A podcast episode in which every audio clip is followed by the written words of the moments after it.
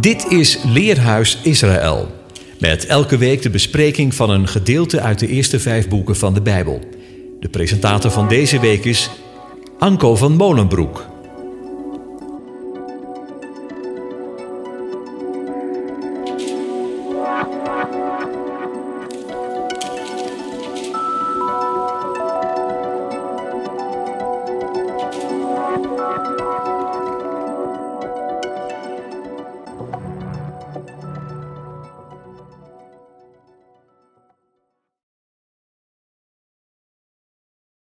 Shalom luisteraar. Fijn dat u weer afgestemd bent op het leerhuis van Radio Israël. We zijn toegekomen aan Parashat Devarim en daarmee aan het vijfde boek van de Torah, Deuteronomium. In de Hebreeuwse Bijbel is dat het boek Devarim. Deuteronomium betekent tweede wet, want Mozes gaat opnieuw de tien woorden die hij op de Horeb gekregen had aan het volk vertellen. Al hoort dit volk het voor de eerste keer, want de eerste generatie is in de woestijn gestorven vanwege hun ongeloof. Nog 37 dagen en Mozes zal sterven. Het is hoog tijd om de laatste woorden uit te spreken. In vier redenvoeringen spreekt de oude leider zijn volk toe. Aan het einde van zijn spreken zal hij de stammen die voor hem staan zegenen. Het zijn niet alleen de laatste woorden van Mozes, maar tegelijk is het hele boek een verbondsvernieuwing tussen Israël en de eeuwige. De opbouw van het boek heeft overeenkomsten met verdragen zoals die in vroeger tijden opgesteld werden tussen een verslagen koning en een overwinnaar. Ook in de Varim is er vanzelfsprekend sprake van twee ongelijke partijen, maar nu tussen de aanwezige en zijn volk.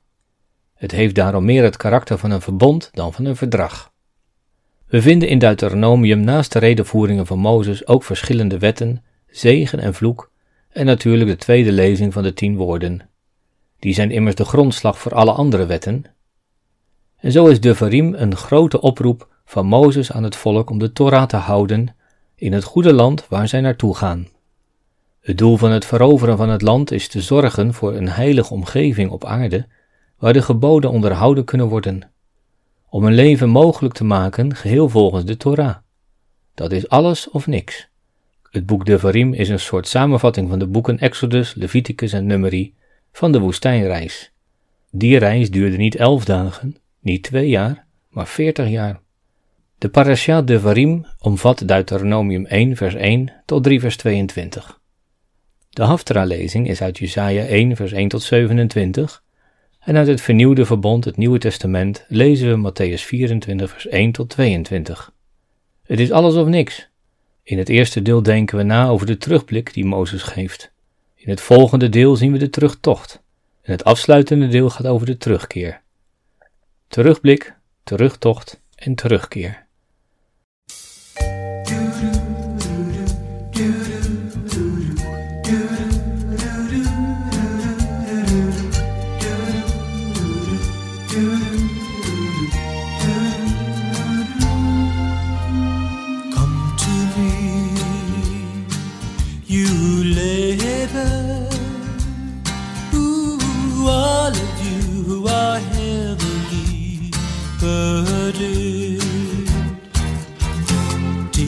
by you and learn of me. I am gentle and old, so weak. My yoke is easy, my burden light. Peace for your souls that you.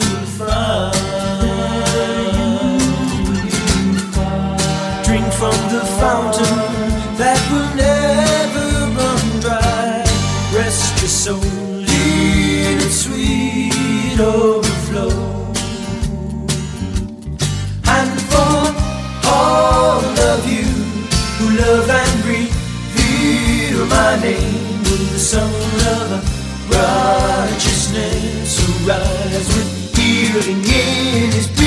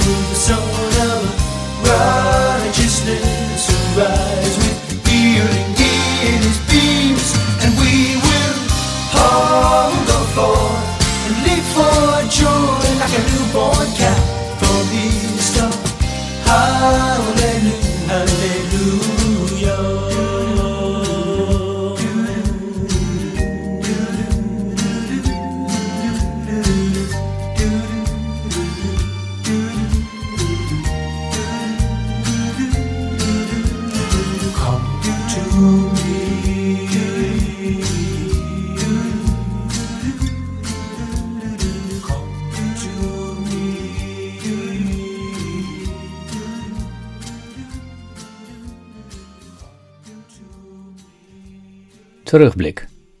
Waar spreekt Mozes zijn devarim, zijn woorden?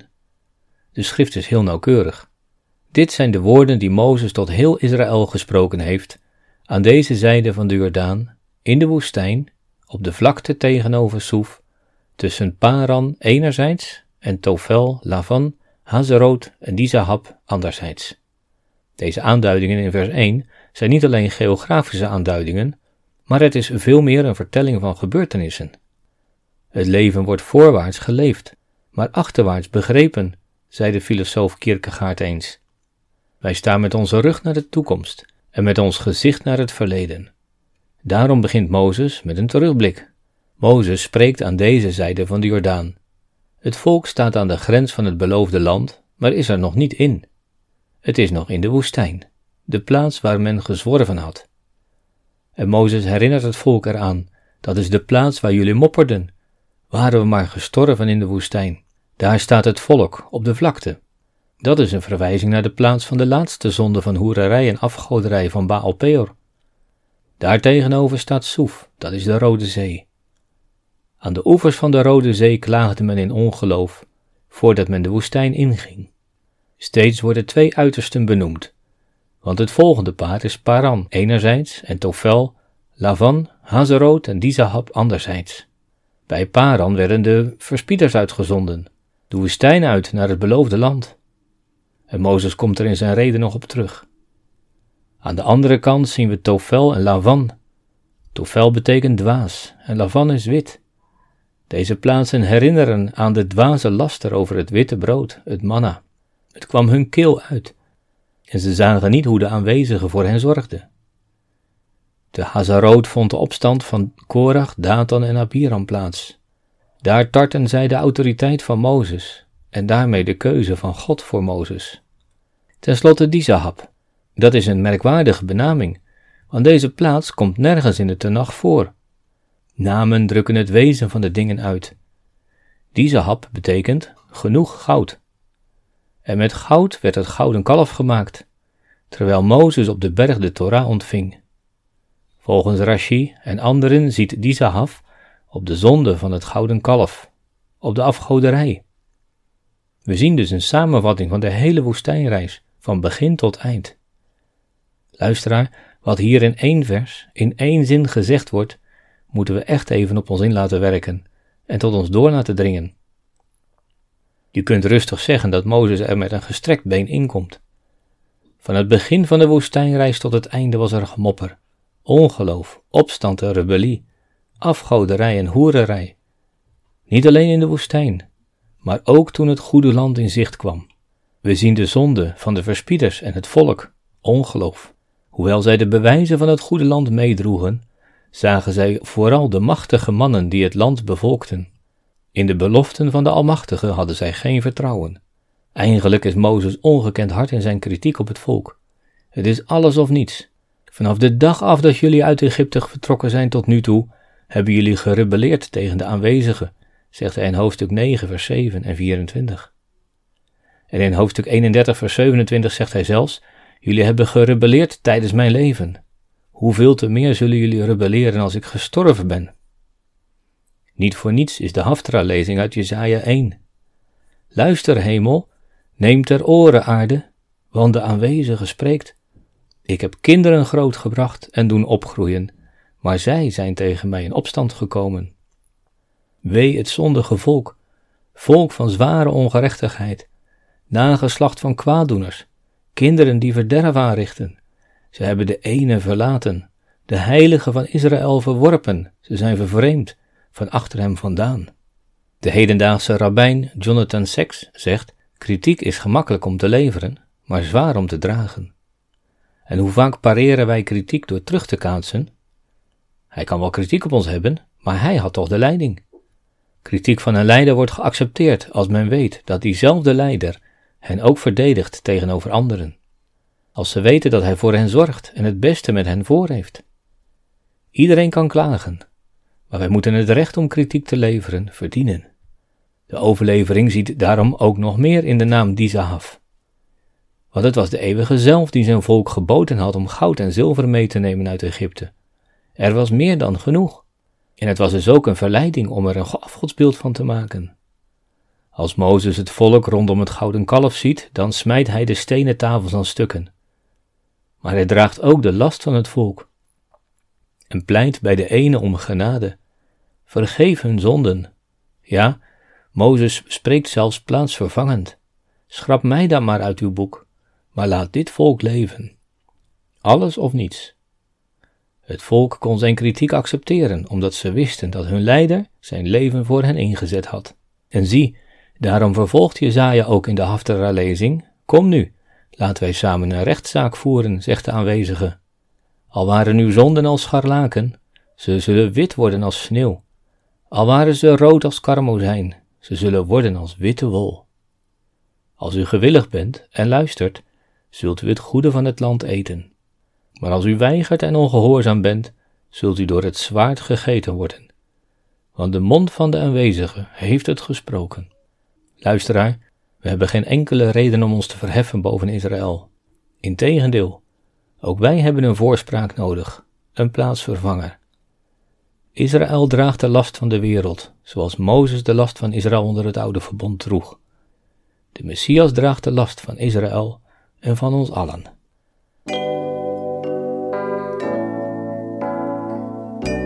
You brought us from Egypt four thousand years ago. By your mighty power, you gave us a home.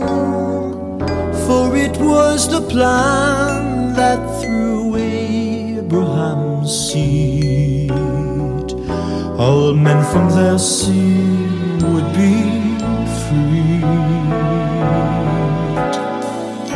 Salvation has come, the Lamb of God was slain.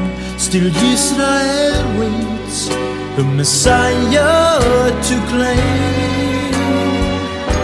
We pray for that day that you promised of old, when all Israel Messiah will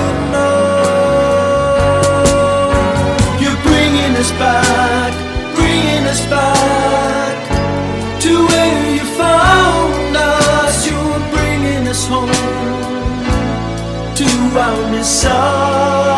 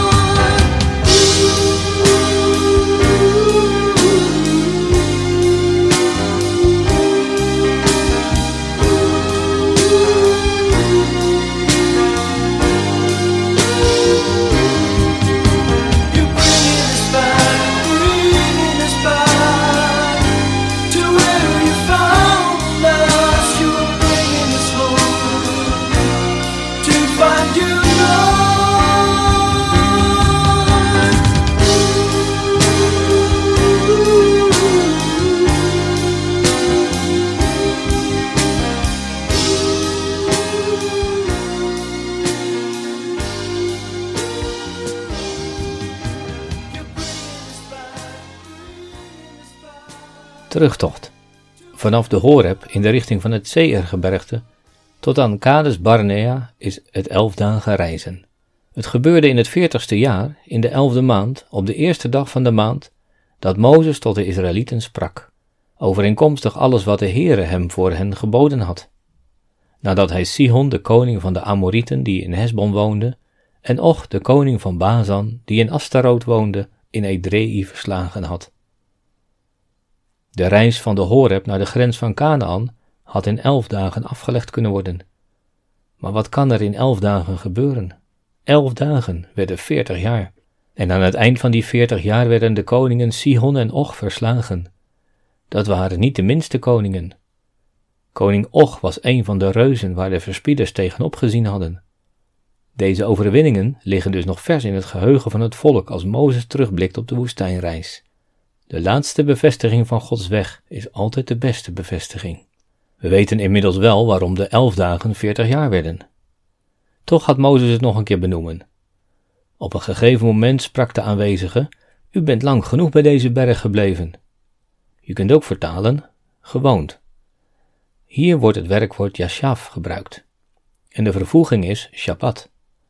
Genoeg gerust. De rust is elders. God woont niet op de berg Sinaï, maar op de berg Sion. Zeg de kinderen van Israël dat zij voortrekken. En bovendien, zo zegt de overlevering, jullie zijn goed uitgerust met de tabernakel, de menorah en al het andere gereedschap. Jullie hebben de Torah ontvangen.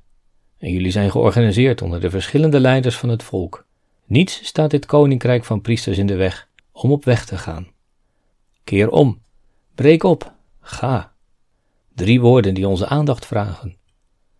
Keer om, pana. Van dit werkwoord is het woord gezicht afgeleid, want wij gaan de kant op waar ons gezicht naartoe gekeerd staat. Zo zien we de weg voor ons liggen. Breek op, dat wil zeggen, ga op reis, vertrek, want we kunnen met ons gezicht wel in de goede richting staan, maar we moeten ook in beweging komen. Hier wordt het woord nasa gebruikt. Nun, samech, ayin. De nun staat voor de continuïteit, de doorgaande beweging. De samech is de letter van de slang, van het tegenwicht, de tegenkracht. En de ayin, dat is het oog, het kennen.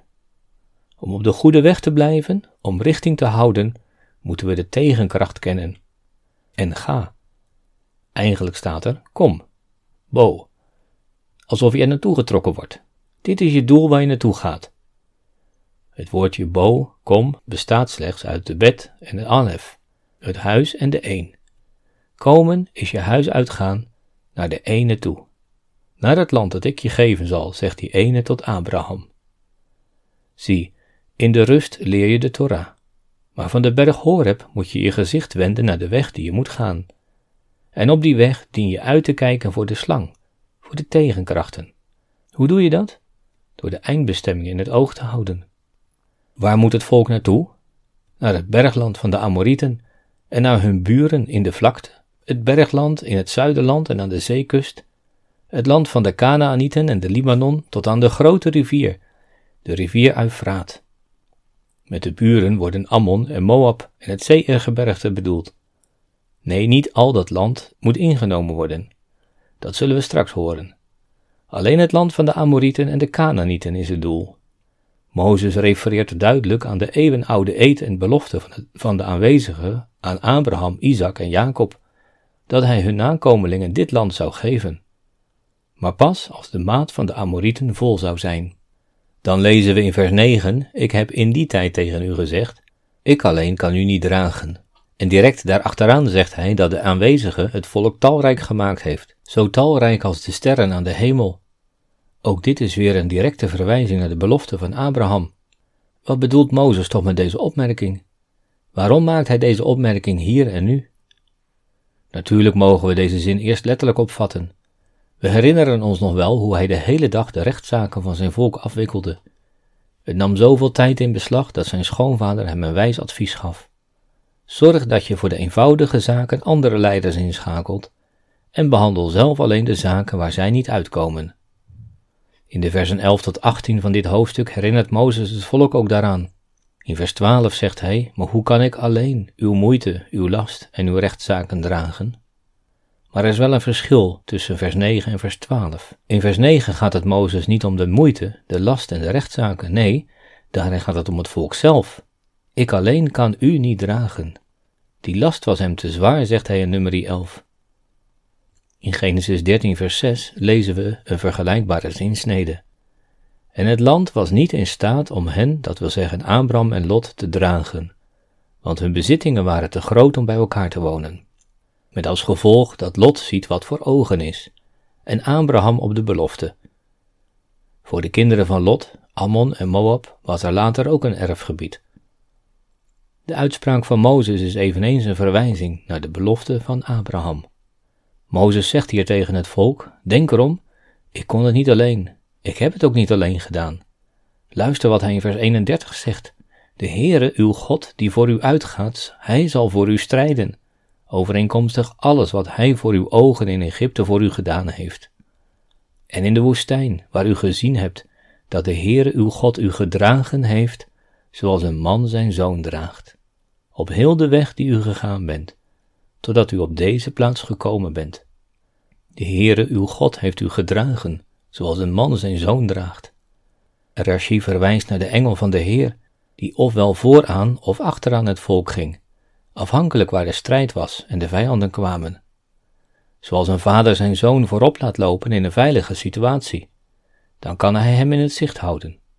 Doemt er echter gevaar op, dan verwijst de vader zijn zoon naar achteren, achter vaders rug. Zo draagt hij hem de hele weg. Weet je wanneer hij dat zei? Toen de verspieders terugkwamen en twijfel en verwarring zaaiden onder het volk door hun ongeloof. Maar ondanks deze woorden geloofde u niet in de Heere uw God, die voor u uitging op de weg om voor u een plaats te zoeken, om uw tenten op te zetten, s'nachts met het vuur om u de weg te tonen die u moest gaan en overdag met de wolk.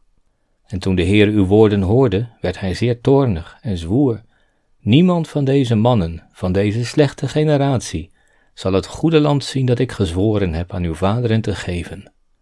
Behalve Caleb, de zoon van Jefunne. Die zal het zien, en aan hem zal ik het land geven dat hij betreden heeft, en aan zijn kinderen, omdat hij erin volhard heeft de Heere na te volgen. Ook op mij werd de Heere toornig, vanwege u, en hij zei, ook u zult er niet in komen. Jozua, de zoon van Nun, die in uw dienst staat, die zal erin komen. Rust hem ervoor toe, want hij zal het Israël in erfbezit laten nemen. En ook uw kleine kinderen, waarvan u zei, ze zullen de vijand tot buit worden. En uw kinderen die heden nog geen goed of kwaad kennen, die zullen erin komen. Aan hen zal ik het geven, en zij zullen het in bezit nemen. Maar wat u betreft, keer u om en trek naar de woestijn, in de richting van de Schelfzee. Drie keer lezen we dat het volk het gezicht keert. De eerste keer zagen we al in vers 7. Keer om, breek op en ga naar het bergland. En dan lezen we het woord in vers 24 over de verspieders. Zij keerden zich om en trokken het bergland in. En de derde keer is vers 40. Maar wat u betreft, keer u om, trek naar de woestijn, in de richting van de Schelfzee. Daarna keerden wij om en trokken naar de woestijn, in de richting van de Schelfzee, zoals de Heere tot mij gesproken had, en wij trokken om het Zeeergebergte heen, vele dagen. En zo gaat het volk weer op de terugtocht, want het is alles of niets.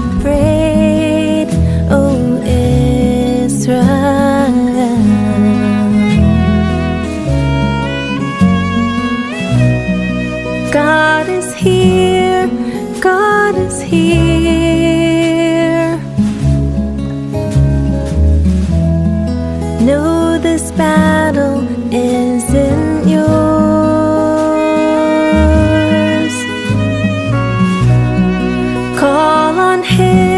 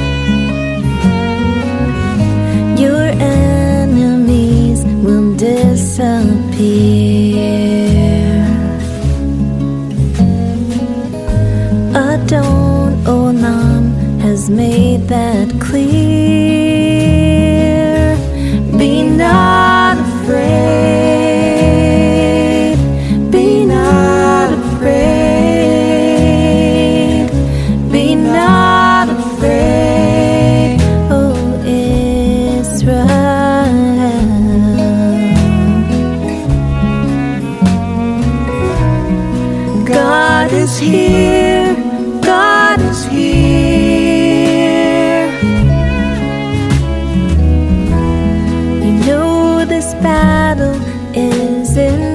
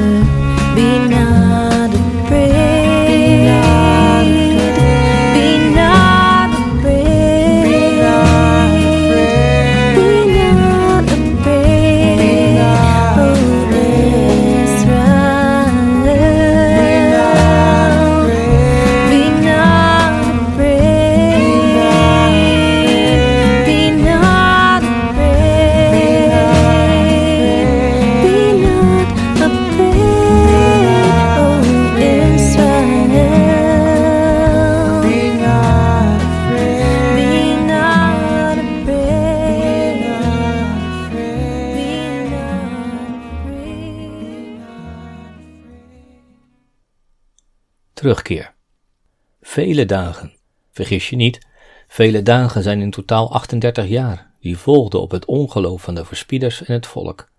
Vele dagen. En dan lezen we in vers 2 van hoofdstuk 2, toen zei de Heere tegen mij, U bent lang genoeg om dit bergland heen getrokken. Keer u om, naar het noorden, en gebied het volk. U gaat door het gebied van uw broeders trekken, de kinderen van Esau, die in Seir wonen. Zij zullen wel bevreesd voor u zijn, maar u moet zeer op uw hoede zijn. Ga niet de strijd met hen aan, want ik zal u van hun land nog geen voetbreed geven. Ik heb het Seirgebergte immers aan Esau in bezit gegeven. Voedsel moet u voor geld van hen kopen, zodat u kunt eten. Ook water moet u voor geld van hen kopen, zodat u kunt drinken. Want de Heere, uw God, heeft u gezegend in al het werk van uw hand. Hij weet van uw tocht door deze zo grote woestijn. Deze veertig jaar is de Heere, uw God, met u geweest. Het heeft u aan niets ontbroken. Maar het is een keer genoeg. Het volk is lang genoeg om dit bergland heen getrokken. Letterlijk staat er, omcirkeld. Op de terugtocht volgt een terugkeer. Opnieuw wordt het gezicht gekeerd, nu naar het noorden. Daar ligt het bergland van Seir. Het is opvallend hoe vaak dit bergland in deze parasha genoemd wordt. Negen keer. Mozes legt een grote nadruk op. Het gebergte Seir is het erfgebied van de kinderen van Esau. U mag er wel doorheen trekken, maar er zal geen voetbreed in bezit genomen mogen worden. Het volk zou Canaan niet ten zuiden binnenkomen, maar aan de oostkant. Daarom moest men van het zuidelijk gelegen Kades over de koninklijke weg door Edom trekken. In nummer 20 lezen we dat Mozes boden uitzendt naar de koning van Edom met de vraag: Dit zegt uw broeder Israël. U weet zelf van al de moeite die ons getroffen heeft. Dat onze vaderen naar Egypte vertrokken zijn en dat wij vele dagen in Egypte gewoond hebben en dat de Egyptenaren ons en onze vaderen kwaad gedaan hebben. Toen riepen wij tot de Heere. Hij hoorde onze stem. En hij zond een engel en hij leidde ons uit Egypte. En zie, wij zijn in Kadesh, een stad aan het uiterste van uw grens. Laat ons toch door uw land trekken. Maar de koning van Edom weigerde. Hij trok zelfs met zijn leger naar de grens van zijn land. Waarom dat niet mocht, lezen we niet. Het was in elk geval zijn goed recht op grond van het feit dat het gebergte Seir aan hem tot erfenis gegeven was door de aanwezigen. Daarom lezen we nu in Deuteronomie 2 vers 8, zo trokken wij verder, weg van onze broeders, de kinderen van Esau, die in Seir woonden, en van de weg door de vlakte van Elat en Ezion Geber. Wij keerden om en trokken langs de weg door de woestijn van Moab. Ook met de kinderen van Lot, Moab en van Ammon mochten de kinderen van Israël niet strijden. Ook zij hadden een erfgebied gekregen van de aanwezigen. Waarom legt Mozes hier zo de nadruk op deze broedervolken? Wel omdat zij hun erfgebied al ingenomen hadden. Ook in die gebieden heersten voorheen de Canaanieten en de Amalekieten. In Seir woonden vroeger de Horieten, en in Moab woonden de Emmiten. Ze waren net zo groot als de Refaïten. Ook in het erfgebied van Ammon woonden reuzen, de Samsumieten. Rashi noemde hen de afstammelingen van de gevallen engelen uit de tijd van Enos. Het waren de reuzen van voor en na de zondvloed. Ze stonden bekend om hun wrede en meedogenloze verovering van de aarde. Zelfs na de zondvloed bleek hun erfelijk materiaal in de mensenkinderen achtergebleven te zijn. Hun aanwezigheid in het land Canaan en de omliggende landen was een grote belemmering voor de komst van het koninkrijk van God. De Heere God had echter beloofd dat er geen zondvloed meer zou komen om hen te vernietigen. Nee, in plaats daarvan gaf de Eeuwige aan vier volken de opdracht om deze reuzenvolken met de band te slaan. Deze vier zijn de Edomieten, de Ammonieten, de Moabieten en de Israëlieten. De eerste drie hadden weliswaar hun erfgebied veroverd, maar hadden zich ook vermengd met deze volken. En nu was het de beurt van de Israëlieten. Mozes legde daarom de nadruk op: Uw broedervolken hebben hun erfgebied veroverd, ook al woonden er reuzen. Kijk naar de kinderen van Esau, die in Seir woonden. Hij heeft Horieten van voor hun ogen weggevaagd. Zij verdreven hen uit hun bezit en zijn in hun plaats gaan wonen tot op deze dag. Met andere woorden, neem er een voorbeeld aan. Begin het in bezit te nemen en ga met hen de strijd aan. Op deze dag zal ik beginnen de volken van onder heel de hemel angst en vrees voor u te geven. Ze zullen geruchten over u horen en voor u sidderen en beven. En als bewijs daarvan gaf de ene, Sihon, de koning van Hesbon, in de hand van Israël. En daarna keerden wij om en trokken op in de richting van Bazan. En Och, de koning van Bazan, trok uit ten strijde, hij en heel zijn volk, ons tegemoet bij Edrei. En toen zei de Heere tegen mij, wees niet bevreesd voor hem, want ik heb hem, heel zijn volk en zijn land in uw hand gegeven. U moet met hem doen zoals u met Sihon, de koning van de Amorieten, die in Hesbon woonde, gedaan hebt. Opnieuw wordt het gezicht gewend, nu in de richting van Bazan, waar Och koning is. Ook deze koning wordt verslagen. Mozes stipt het maar even aan. Och was de laatste van de Refaïten. Zijn bed was van ijzer, negen ellen lang, zeg maar vier en een halve meter, en vier el breed, twee meter. Oude profeet laat ondanks zijn kritiek niet na om het volk een hart onder de riem te steken. Aan Jozua gebood ik in die tijd, uw ogen hebben alles gezien wat de Heere uw God met deze twee koningen gedaan heeft. Zo zal de Heere doen met alle koninkrijken waar u naartoe trekt. Wees niet bevreesd voor hen, want de Heere uw God, Hij is het die voor u strijdt. En zo is het nog steeds de aanwezige die voor zijn volk strijdt. Zijn zoon, de zoon van David, zal terugkeren om zijn vijanden te verdelgen. Zo zal hij zijn rechtmatig erfdeel in bezit nemen. U luisterde naar het programma Leerhuis Radio Israël. Een wekelijkse studie aan de hand van de Bijbelgedeelten die wekelijks door de Joodse gemeenschap worden gelezen. Heeft u een vraag of opmerking? Stuur dan een e-mail naar info radioisrael.nl. Het leesrooster vindt u op onze website. Ga naar radioisrael.nl en klik onder het kopje radio op programma's.